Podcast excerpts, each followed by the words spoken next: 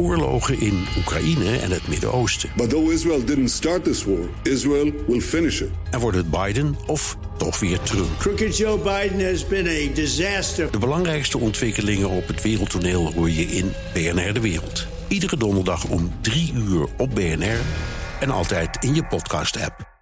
De Joe en Donald Show. Ja, en het is weer tijd voor het laatste nieuws over de nasleep van de Amerikaanse verkiezingen. Behoorlijk veel aan de hand deze week. We praten erover met Amerikanist Koen Peters. Koen, de schijnwerpers die richten zich weer op Hunter Biden, de zoon van Joe Biden. Wat is er aan de hand?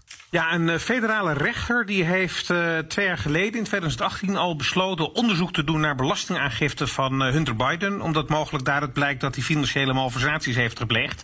En onmiddellijk wordt gespeculeerd dat dat te maken heeft met zijn uh, businessbelangen in uh, Oekraïne, in China en andere verweglanden waar hij uh, heel veel geld heeft verdiend voor relatief weinig inspanning. Ja, dat dit nu naar buiten komt, hè, dat speelde natuurlijk al eerder. Dat had de verkiezingen enorm kunnen beïnvloeden. Als wij bijvoorbeeld dit gesprekje, niet alleen wij natuurlijk, maar dit een maand geleden hadden gehad. Ja, wat je ziet is dat uh, de Amerikaanse media al die beschuldigingen tegen Hunter Biden, die voor de verkiezingen al begonnen uh, op te spelen, systematisch hebben genegeerd. Uh, dat heeft ook ervoor gezorgd dat het het brede publiek nauwelijks heeft bereikt en voor zover het gebeurde in een kwaad daglicht. Trump heeft nu een tweet uitgestuurd waarbij hij claimt, of dat waren dus ook de vraag, dat 10% van de Amerikanen zegt anders te hebben gestemd als ze dit van tevoren hadden geweten. En dat het van invloed zou zijn geweest, dat lijkt wel buiten kijf te staan, maar hoeveel, dat is de vraag. En dan zegt Hunter inderdaad uh, niets verkeerd gedaan. Joe Biden, trots op zijn zoon. Uiteraard logisch. Hè? Ik zou bijna zeggen, logische reactie. Dit weer van beide partijen. Is, is, dit, is dit een verhaal met een staartje? Of denk je dat dit gewoon nu meer een nasleepje is en dat het gewoon wegsuddert? Nee, het heeft uh, een staartje om uh, twee uh, mogelijke redenen. Eén is dat de vader van Hunter toch president wordt. En dat betekent dat het vergrootglas ook op zijn familie blijft liggen. En wat de Trump-regering nog kan doen, is een speciale aanklager aanstellen. Of een speciaal onderzoeker. Die vanuit justitie onafhankelijk onderzoek hiernaar moet doen. Biden zelf, de gekozen president, heeft gezegd dat hij de ministerie van Justitie schoon wil vegen van politieke invloed. Dus het is ook een, een, een lakmoestest voor hoe hij serieus met zijn, met zijn belofte omgaat. Dus het kan nog wel een behoorlijke nasleep hebben. En dan zei je net al, er is een reactie dus geweest van Trump, maar ook een reactie van, van andere republikeinen. Of is hij de enige die tot nu toe per tweet gereageerd heeft?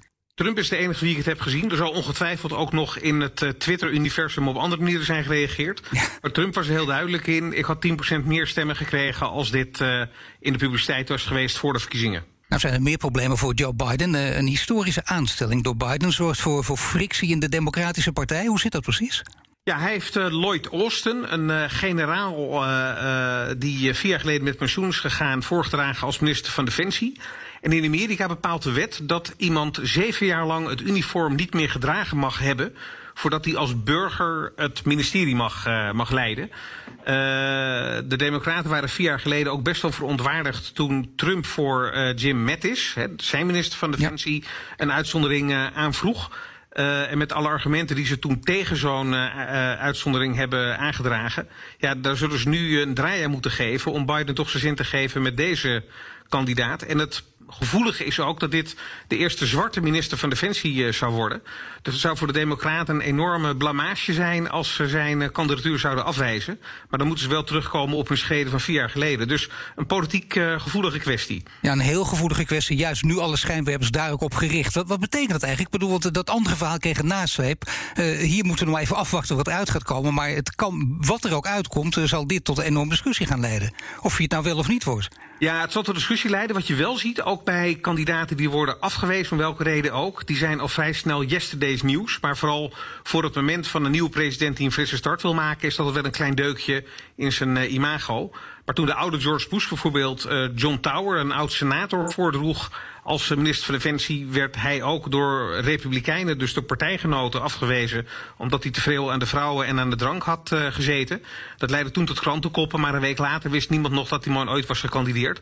dus het kan snel voorbij gaan voor de Democraten. Oké, okay, en dan zijn er nog de kiesmannen in het kiescollege. Die zijn toegewezen. Biden heeft al een meerderheid en die zullen volgende week gaan stemmen. Betekent dat uh, dat de kansen voor Trump om te winnen, dat die nu ook echt definitief met hoofdletters over zijn? Ja, hij heeft nog uh, via Republikeinse stroommannen een protest uh, aangetekend. En dat wordt inmiddels door uh, Republikeinse ministers van Justitie uit meer dan tien staten gesteund om de uitslag in Pennsylvania, in Wisconsin, in Michigan en in Georgia ongeldig te laten verklaren, omdat de regels en de procedures voor het stemmen te last minute gewijzigd waren en door de verkeerde uh, organen. Uh, dat gaat nog naar het Hoge Rechtshof. Maar de verwachting is eigenlijk wel van iedereen dat dat niks zal opleveren. En dat betekent dat komende maandag alle kiesmannen hun stem gaan uitbrengen. Het kiescollege komt dan bijeen. Uh, niet op één plek, maar elk in de hoofdstad van hun eigen staat. En als die hun stem hebben uitgebracht, dan is het eigenlijk wel kassiewijlen voor Trump. Als zij inderdaad de stem uitbrengen conform de uitslag in de, in de staat. Dus laten we zeggen, als dat gebeurt, als het echt kassiewijlen is, dat betekent dus over een paar dagen nog even wachten. Maar dan komt er ook een telefoontje van Trump naar Biden. Nou ja, dat is nog, uh, dat is nog de vraag. Uh, want de allerlaatste formele stap is dat de uitslag van de kiesmanverkiezing wordt vastgesteld door een gezamenlijke vergadering van Huis van Afgevaardigden en Senaat. Dat staat gepland op 6 januari. Uh, daar kan eventueel nog discussie worden aangezwengeld door Republikeinen. Uh, als die bezwaren hebben tegen de uitslag. Maar die moeten dan eigenlijk wel hele sterke argumenten hebben. En op basis van de informatie die we nu hebben, hebben ze die straks niet. Ik dank je, Koen Petersen, Amerikanist en schrijver van onder meer het boek In de aanval over Trumps presidentschap. Ook Hugo Reitsma vind je in de BNR-app. Superhandig die BNR-app. Je kunt alle programma's live luisteren, breaking nieuwsmeldingen. Je blijft op de hoogte van het laatste zakelijke nieuws. En je vindt er alle BNR-podcasts, waaronder natuurlijk de belangrijkste, Boeken zijn in de wijk. Download nu de gratis BNR-app en blijf scherp.